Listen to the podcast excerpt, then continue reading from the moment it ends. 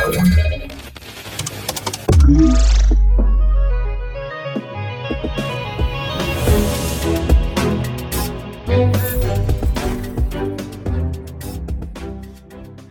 Halo, halo, tu mówi Warszawa w podcaście Cyber, Cyber Fundacji Bezpieczna Cyberprzestrzeń. Dzisiaj nie Cyber, Cyber Raport, a Cyber, Cyber Procesowy. No i jak zwykle dwóch pięknych, wspaniałych i cudownych, czyli ja, Cyprian Gutkowski, ten drugi, równie piękny i cudowny Maciej Pyznar. Witam Cię Maćku. Dzień dobry, cześć.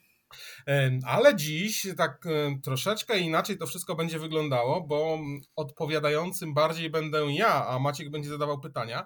Chcemy Wam w dzisiejszym naszym podcaście przedstawić właśnie fundacyjny projekt, który zostało stworzone narzędzie, algorytm, nie wiem do końca właśnie jak to nazwać sam, które pozwala oceniać dojrzałość cyberbezpieczeństwa w organizacji zostało stworzone przy programie Cyfrowa Gmina, no ale pozwólcie w takim razie, że tym razem ja zejdę w rolę tego gościa, a bardziej oddam głos prowadzącemu, którym dzisiaj jest właśnie Maciek.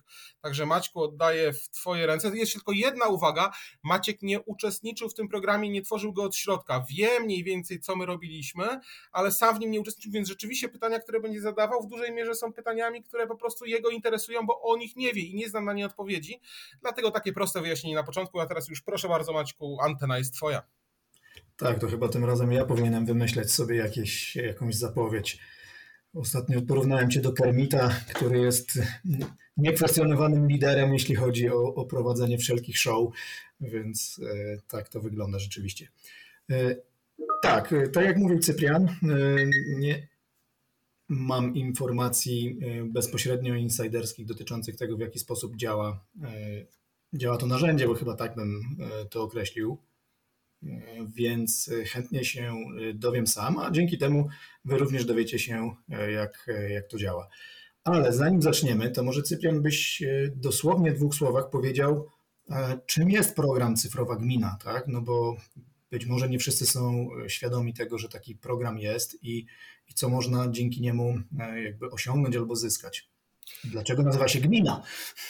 Tak, to zaskakujące, bo chlebak, jak sama nazwa wskazuje, służy do noszenia granatów, bo granaty się w nim chleboczą, więc to rzeczywiście jest, jest na to odpowiedź. Ale nie, tutaj faktycznie jest to program skierowany teoretycznie do jednostek samorządu terytorialnego, natomiast rzeczywiście ubiegać się mogą o to gminy. I, i co, co jest tym magicznym tym, o co się mogą ubiegać? Otóż jest to wsparcie rozwoju cyfrowego instytucji samorządowych oraz ogólnie zwiększenie cyberbezpieczeństwa i tutaj jest dofinansowania, można otrzymać 100% stuprocentowe tak naprawdę na zadania związane z cyfryzacją urzędów, edukację, czyli na przykład można kupić komputery też dla szkół w gminie, również też analizę stanu cyberbezpieczeństwa z tej jednostki samorządu terytorialnego, a także ogólnie zapewnienie cyberbezpieczeństwa systemom teleinformatycznym, które są w samorządzie.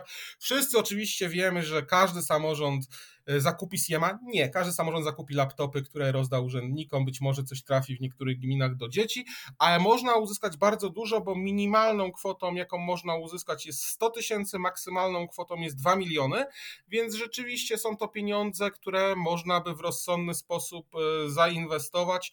W co inwestujemy samorządy? Tego nie wiem, bo, bo w, to, w to nie wnikamy, natomiast e, rzeczywiście ten program wymaga dla dostania tych pieniędzy, przeprowadzenia diagnozy, zwanej również audytem, a bardziej z audytu zwanego diagnozą, chociaż tak naprawdę nie wiem dlaczego audytu, bo to jest audyt na zgodność z cyberbezpieczeństwem.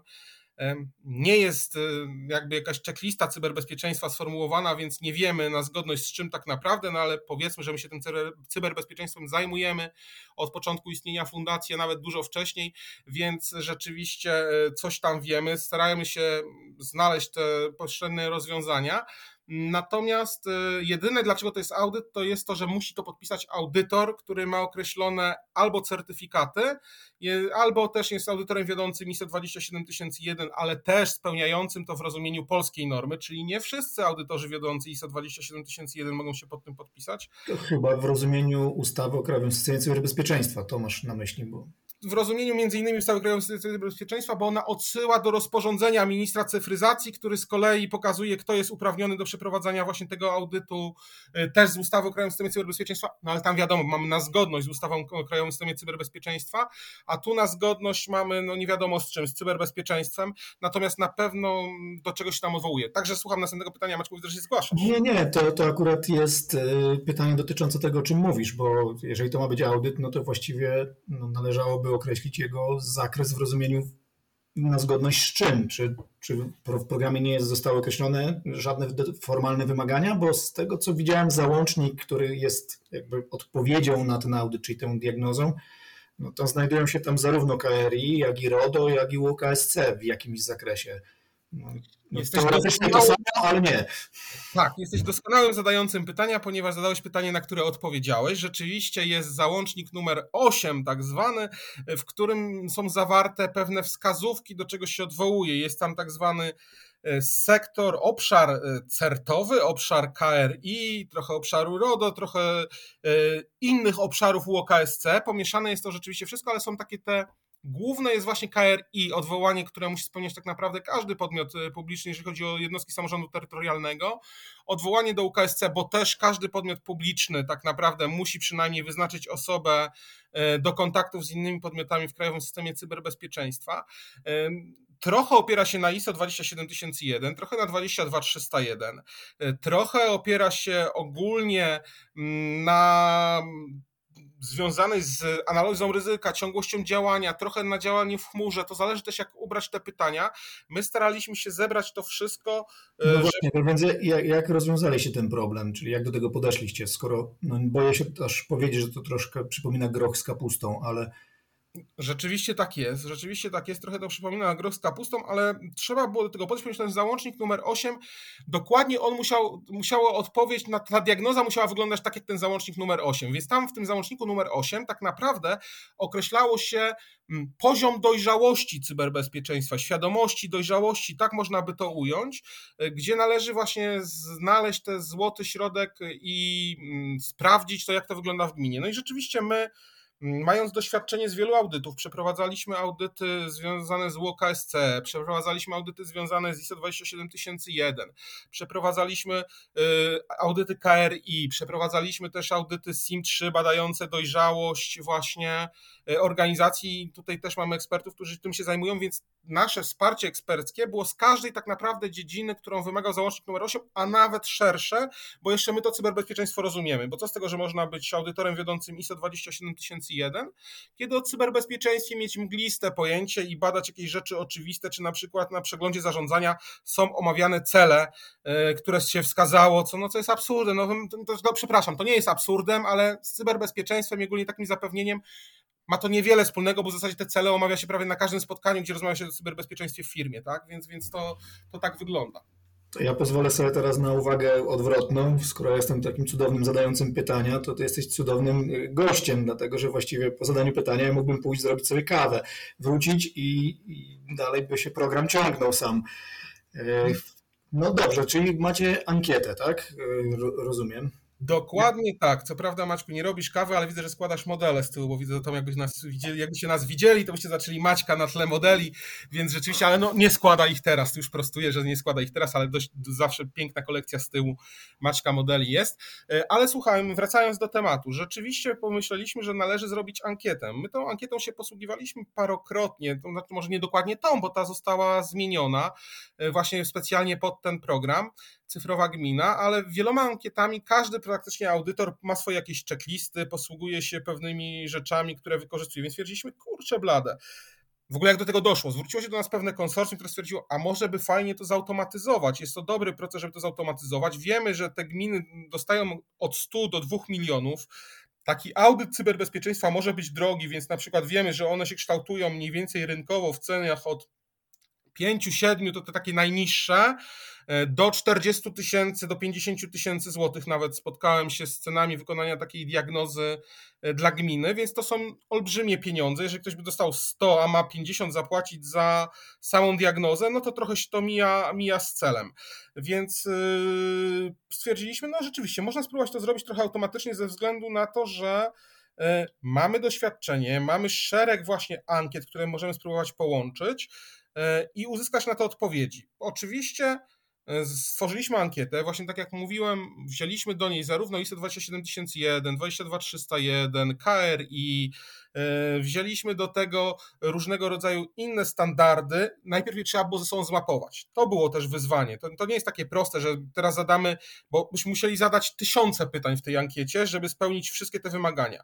Otóż nie, dlatego, bo wiele z tych standardów czy norm daje się na siebie zmapować. One mają ze sobą bardzo wiele wspólnego i dzięki temu, dzięki jednemu pytaniu trochę przeformułowanemu, możemy spełnić na przykład 3-4 standardy, które zostaną wykorzystane w jednym pytaniu i dzięki temu będziemy mieli odpowiedź, e, którą nasz algorytm będzie mógł pobrać do czterech standardów, zbierając z jednego pytania e, odpowiedź, nawet algorytm. To jest prosta reguła, na przykład z Excelowa, która będzie potrafiła pobrać, czy było tak, czy nie odpowiedź, czy jakakolwiek inna. E, więc, więc to, było, to wyglądało w ten sposób i została stworzona taka, taka ankieta, która odpowiada zapotrzebowaniu, e, przynajmniej organów rządowych, które tego oczekują, to na pewno. Czy gminy z tego skorzystają? E, na pewno jesteśmy w stanie to zrobić lepiej. Jeżeli byśmy mieli to zrobić dla samej gminy, która chciałaby rzeczywiście poznać swoją strukturę, to być może jeszcze ta ankieta by wyglądała też trochę inaczej, ale to po prostu cały załącznik numer 8 musiałby wyglądać inaczej, a my nie możemy zmienić załącznika numer 8. Dobrze, to e, no najważniejsze są w sumie jakieś praktyczne doświadczenia, bo z pracy, przynajmniej z mojego doświadczenia wiem, że no jeżeli idziesz na audyt, no to czasami różne odpowiedzi dostajesz, tak? No tutaj e, jakoś wasze narzędzie musi uwzględniać to, że nie każdy jest na tym samym poziomie, to raz, a dwa, no, że nie zawsze odpowie zgodnie z oczekiwaniami algorytmu, tak? I trzeba to jakoś zinterpretować. Czy macie już jakieś praktyczne doświadczenie w tym, w rozumieniu, nie wiem, na jakie odpowiedzi nie ma pytania, od, na jakie pytanie nie ma odpowiedzi, przepraszam, albo y, no, czy, czy, czy jeżeli jest coś niejasnego, to jest kontakt z, z wypełniającym po to, żeby, żeby mu pomóc to, y, to zrobić. No i czy taka forma ankietowa się sprawdza w ogóle? E, trochę poruszyłeś rzeczywiście dwie strony, bo jedna to jest strona e, w zasadzie ta przygotowawcza, żeby sprawdzić też, czy te nasze odpowiedzi się pokrywają w ogóle z rzeczywistością i czy one mają sens. I tutaj e, bardzo istotne dla nas było to, że my ten audyt w ogóle cyfrowej gminy przeprowadzaliśmy wcześniej fizycznie. Przeprowadzaliśmy go fizycznie też za pomocą jednej ankiety. Ona wyglądała na początku troszeczkę inaczej, była tylko pomocą taką wstępną do przeprowadzenia. Natomiast potem były zwykłe spotkania z audytorem, odbywały się i tym podobne. Stwierdziliśmy, że rzeczywiście można to zrobić jedną ankietą i te spotkania wcale nie byłyby takie konieczne. E, więc doświadczenie mieliśmy, no i fajnie, bo dzięki temu zebraliśmy pewne informacje. Przede wszystkim mieliśmy załącznik numer 8 wypełniony przez system białkowy, czyli przez człowieka, audytora właściwego, e, który nawet w dużej grupie, bo to nie jeden audytor, a kilku audytorów to robiło, bo poszliśmy wtedy, że to kurczę, sprawdźmy to naprawdę dobrze i zróbmy. Zostało przeprowadzone, no i potem należało sprawdzić, co się wydarzy, jeżeli wpuścimy te odpowiedzi, które uzyskaliśmy e, od tej gminy, w której robiliśmy to fizycznie, do naszego szablonu. No i ku naszemu zdziwieniu okazało się, że jest odchył, że znalazł się jeden odchył, co okazało się, że źle zaznaczyliśmy odpowiedź, bo po prostu. Ja bym raczej nie był zdziwiony odchyłem. No, ale... A właśnie widzisz, no ale dobrze, ale my byliśmy zdziwieni, ale okazało się, że zrobiliśmy ten odchył taki większy, który rzeczywiście występował. No to on dotyczył tego, że źle zaznaczyliśmy zamiast tak, zaznaczyliśmy nie w ankiecie ją wypełniając, a po prostu prawdziwa odpowiedź e, faktyczna gminy byłaby inna. W związku z tym tylko nasz błąd człowieka wklepującego ankietę, błąd czynnika ludzkiego. Więc zmieniliśmy to i już było wszystko bardzo zbliżone. W kilku miejscach miejscach się rozjechaliśmy, więc, y, ale tak bardzo delikatnie, że o stopień, o naprawdę niewielkie różnice i to w dwóch czy trzech miejscach y, z całej y, ankiety, z całego załącznika numer 8, więc stwierdziliśmy, że no sprawdźmy to, o co tak naprawdę chodziło.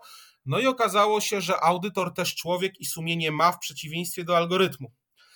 I tutaj audytor na przykład uległ temu, że no może faktycznie nie mamy w jakiś sposób zinwentaryzowanej całej bazy naszych systemów czy naszego sprzętu, e, ale no przecież my wiemy co, no bo przecież my mamy tylko dwa systemy e, i tutaj mamy czterech pracowników, którzy mają sprzęt przenośny, więc no przecież no to ja to wszystko wiem, że kto to ma i co to ma, więc po co ja to mam prowadzić rejestr. No a, e, a nie, nie zgodzić jednak, dlatego że no, audytor jako człowiek rozumie i potrafi odczytywać ludzkie emocje i wie, kiedy ktoś troszkę ściemnia a, a kiedy nie, a algorytm już nie. Ale, a, a poza tym, jak audytor jest y, na audycie, no to może zauważyć coś, co, co ma miejsce, a algorytm już tego nie zauważy. To prawda, jeżeli chodzi o bezpieczeństwo fizyczne, to na pewno, e, ale też no tutaj akurat moim zdaniem sytuacja była właśnie, dotyczyła tego rodzaju case'u i rzeczywiście rejestr fizycznie nie istniał, natomiast no, istniał w głowie tego y, osoby wydającej sprzęt czy dbającej o systemy. No ale teraz wyobraźmy sobie, że tramwaj, no nie, w tej gminie nie było tramwaju, ale że wpada pod auto, y, no i idzie do szpitala na chwilę, jest nieprzytomny, no i nikt nie wie, co się dzieje w gminie. Tak więc tego rejestru tak naprawdę po prostu nie ma, czy traci pamięć, po tym krótko trwało, ale traci pamięć, żebyśmy nie szli w jakieś nie wiadomo jakie historie, no i nie ma tego rejestru jednak. Więc, więc algorytm stwierdził, że go nie ma, a my jako audytorzy y, poszliśmy zgodnie z sercem. No i w sumie może trochę ze zdrowym rozsądkiem, że no na te cztery komputery to faktycznie może nie jest potrzebny aż taki rejestr, e, ale jednak jest, a to, to jest dość powszechne w gminach i ja nad tym akurat boleję, że tam podejście do bezpieczeństwa jest mniej więcej takie, do takich rejestrów. E, anegdota teraz, że oni tam mówią, no ale jak ktoś nam nie odda komputera? Po co nam spis komputerów, które komuś wypożyczyliśmy? Przecież my się tu wszyscy w gminie znamy. Przecież ten ktoś jak odejdzie z pracy i by nam nie oddał komputera, to on by nic w gminie nie załatwił. No to przecież to jest niemożliwe, żeby ktoś nie oddał i tutaj wszyscy się znamy. Jest to też w jakiś tam sposób jak najbardziej rozsądne wytłumaczenie, no ale z punktu widzenia takiego stricte proceduralnego, procesowego, nie, więc, więc stąd ten nasz algorytm rzeczywiście jest w tych kwestiach surowy i on to wyłapuje i daje za to zero punktów, kiedy my jako na przykład audytor zamiast dwóch dawaliśmy powiedzmy jeden. Więc, więc to rzeczywiście w ten sposób wygląda. Mm, no, no dobrze, to czy gmina w takim układzie musi coś dołączyć, jakiś, jakiś na potwierdzenie? No chodzi mi o to, czy jest jakakolwiek forma weryfikacji tego, co tam jest zadeklarowane rzeczywiście masz rację, należało zadać to pytanie, ponieważ no wydaje się, no to dobrze, ja sobie zaznaczę wszystko tak, że wszystko mam i będę piękny i uroczy. Aha, jeszcze jedna ważna informacja. E, o tyle to jest w zasadzie bezpieczny audyt, że niezależnie jak on wyjdzie, te pieniądze dostaniesz. Możesz mieć wszędzie zero, e, a te pieniądze dostaniesz. Ta, ta diagnoza po prostu musi być zrobiona i nie jest uzależniona od tego nic, jak ona, jak ona wyjdzie, więc gminy nie mają potrzeby kłamać. To jest pierwsza, pierwsza taka informacja. E, druga jest e, rzeczywiście taka, że wymagamy potwierdzenia dowodów. No na każdym audycie jednak podchodzimy do tego, że opiera, żeby audyt był rzetelny, musi się opierać na dowodach, więc jeżeli ktoś stwierdza, że posiada taki rejestr, na przykład o którym mówiliśmy, komputerów, no to bardzo go prosimy o załączenie screena z takiego rejestru, może być zanonimizowany, ale jednak, żeby coś tam było widać, że coś takiego istnieje. No i tego rodzaju załącznik musi być dołączony do ankiety, która jest w formie elektronicznej udostępniana takiej gminie i ta gmina w rzeczywistości taki załącznik e, oddaje e, i możemy zweryfikować, czy faktycznie coś takiego istnieje. Okej, okay, no to dobrze. Z tego co wiem, to, to poza jakby faktycznym, znaczy faktycznym, y, poza jakby tą diagnozą, jakby robicie, właściwie robimy coś jeszcze w rozumieniu takim, że y, no, przepuszczamy to jeszcze w cudzysłowie oczywiście przez, przez silnik cybertwierdzy. I teraz chciałbym właśnie o to zapytać, bo to w sumie jest najbardziej interesująca mnie rzecz. No, jak wspominałeś, nie brałem udziału w, w opracowaniu, nie brałem udziału w opracowaniu tego, w jaki sposób e, jakby następuje to powiązanie pomiędzy diagnozą a cybertwierdzą, tak? I, i na czym polega jakaś korelacja e, pomiędzy ankietą a, a silnikiem gry. No i bardzo, bardzo mnie interesuje w sumie.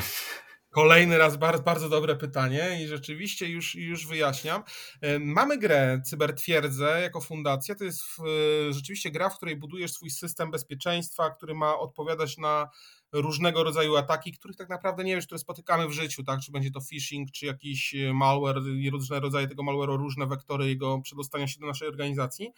Mm, no to stwierdziliśmy, że bardzo fajnym i takim materiałem dodanym, bo nie bylibyśmy sobą, gdybyśmy zrobili to tylko po to, żeby e, była zwykła diagnoza i zaznaczyć coś, odhaczyć bez żadnego takiego plusu faktycznie, e, plusów dodatnich dla, dla gminy.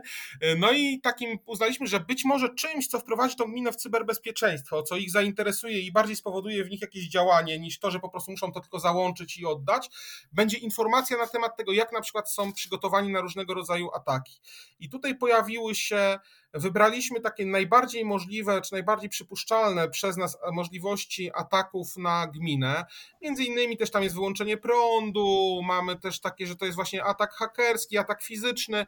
Jest sześć y, takich podstawowych możliwości ataków na, na właśnie na jednostkę samorządu terytorialnego. Ale to, to wyłączenie prądu jako skutek ataku, czy, czy po prostu awaria? E, może być też jako awaria. Stwierdziliśmy, co też jest dobrą awarią, ale ze względu to wyłączenie prądu jest na tyle istotne, że chociażby też wymaga pewnej redundancji. Już potem, jeżeli spojrzymy, czy to na, na różnego rodzaju przepisy UKSC, KRI, te podtrzymanie tych najważniejszych systemów jest właśnie konieczne i stąd też e, akurat te wyłączenie prądu znalazło się w gminie, no bo jednak obywatel chciałby coś w gminie e, móc. Okej, okay, czyli z tych wszystkich scenariuszy ataku, które są w cybertwierdzy, wybraliście sześć, które najbardziej jakby odpowiadają profilowi powiedzmy y, gminy, tak? Tak, jeżeli wejdziecie na artykuł, to tam spojrzycie dokładnie, jak to wygląda na takim fajnym wykresie pajączkowym, jak jest przedstawiony, przedstawiony taki atak i to, i, ale jak to działa, bo to, to było pytanie, na razie powiedzieliśmy, co to tak naprawdę robi, ale jak to działa. W ankiecie są pytania, tych pytań jest kilkaset i to już od razu mówimy, że jest kilkaset, ale niektórzy nie muszą aż tu zaznaczać, bo to też zależy na jakie pytanie, jaką odpowiedź wybierzesz, jak gdzieś zaznaczysz nie, to nie musisz potem powiedzmy 10 następnych pytań wypełniać, bo już wiadomo, no jeżeli są to pytania, czy posiadasz firewall brzegowy, no to jeżeli zaznaczysz tak, no to musisz wypełnić, ale jeżeli zaznaczysz nie, no to nie ma sensu wypełniać dalej, bo reszta pytań jest dalej związana załóżmy z firewallem brzegowym, czy z innym e, narzędziem. I tu już zdradziłem trochę cybertwierdzy, bo właśnie cybertwierdza opiera się raz na politykach, dwa na narzędziach, no i na warstwie ogólnie proceduralnej się tym, co mamy w, możemy mieć w organizacji. Więc te wszystkie pytania to, trochę, to trochę tak, jak, jak jest normalnie w wymaganiach normy, tak? No bo są tak. proceduralne i są wymagania czysto techniczne, tak? Więc, Więc to... w rzeczywistości tak jest. No i teraz sprawdzamy, jeżeli ktoś mówi, że ma politykę bezpieczeństwa, no to już wiemy, że powinniśmy zaznaczyć kartę w cybertwierdzy polityka bezpieczeństwa, że ta karta została zakupiona. Jeżeli ktoś zaznaczył, że ma firewall brzegowy, no to wiemy, że należy wziąć firewall brzegowy. Cały szereg innych, jeżeli wiemy, że ma system ciągłości działania został wprowadzony, no to wiemy, że system ciągłości działania został wprowadzony. Jeżeli pytamy o hardening i o zastosowanie, czy jest on zastosowany na serwerach, czy tylko na stacjach roboczych, czy nigdzie nie jest zastosowany, tak, to też już wiemy, jakie karty z cybertwierdzy wyciągnąć i jak rozegrać grę, powiedzmy właśnie tego, y, gdzie atakiem będzie powiedzmy poprzez phishing, poprzez maila, jakiś atak y, tak naprawdę hakerski, ransomware powiedzmy. Czy mam rozumieć w związku z tym, że pytania są jakby dostosowane trochę do, do kart z cybertwierdzy? Mam na myśli te pytania z ankiety. Dokładnie tak, dokładnie tak. One, dlatego też ich jest tyle, ponieważ muszą one wypełniać raz te wszystkie normy, dwa muszą odpowiadać kartom z cybertwierdzy, dzięki czemu wiemy, e, jakie karty wybierzemy, no i dostajemy piękne wykresy, które nam tłumaczą, że tak jesteśmy przygotowani na atak, tak jesteśmy przygotowani na działanie podczas ataku, czyli reakcję na ten atak, że jesteśmy w stanie na niego reagować, no i to dos, pięknie ogólnie dostajemy porównanie, jeszcze do tego dostajemy porady,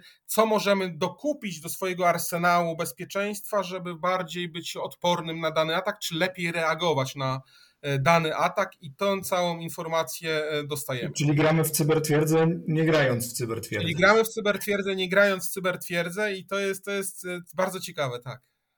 No dobrze, no to jeżeli już zagram w ten cybertwierdzę nie grając w nią, no to co jakby z tego otrzymuję?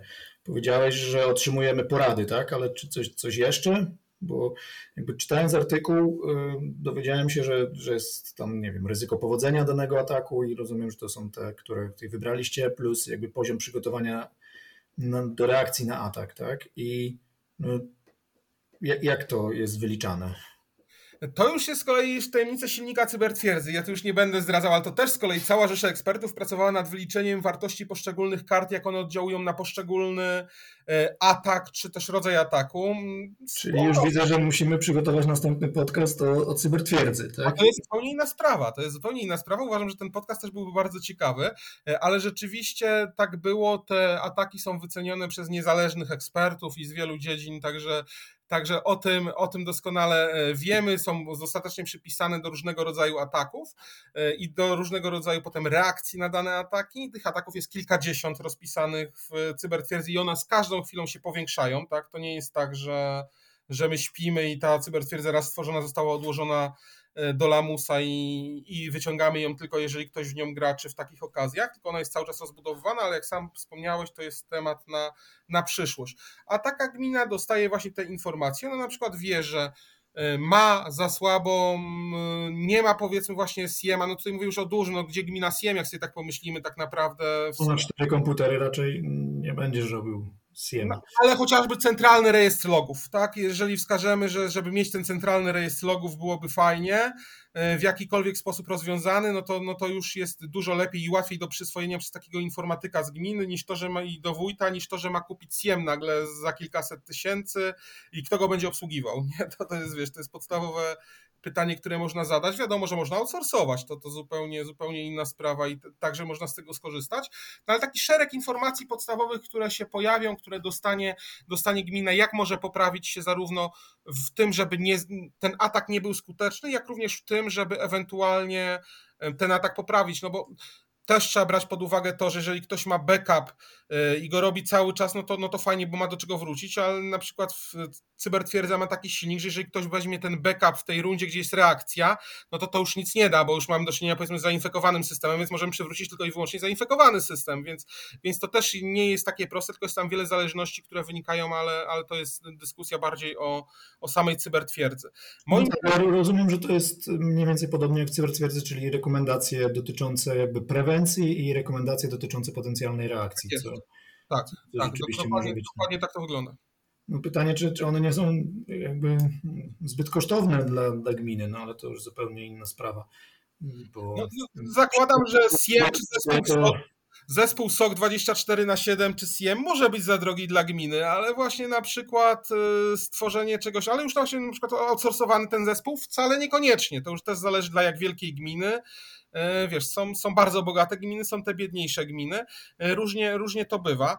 Natomiast sam algorytm jest bardzo ciekawy, ja z nim wiążę bardzo duże nadzieje w tym, że on zacznie działać na innych obszarach, że on nie jest stworzony tylko dla cyfrowej gminy, ale że my będziemy mogli go wykorzystać w zupełnie innych miejscach.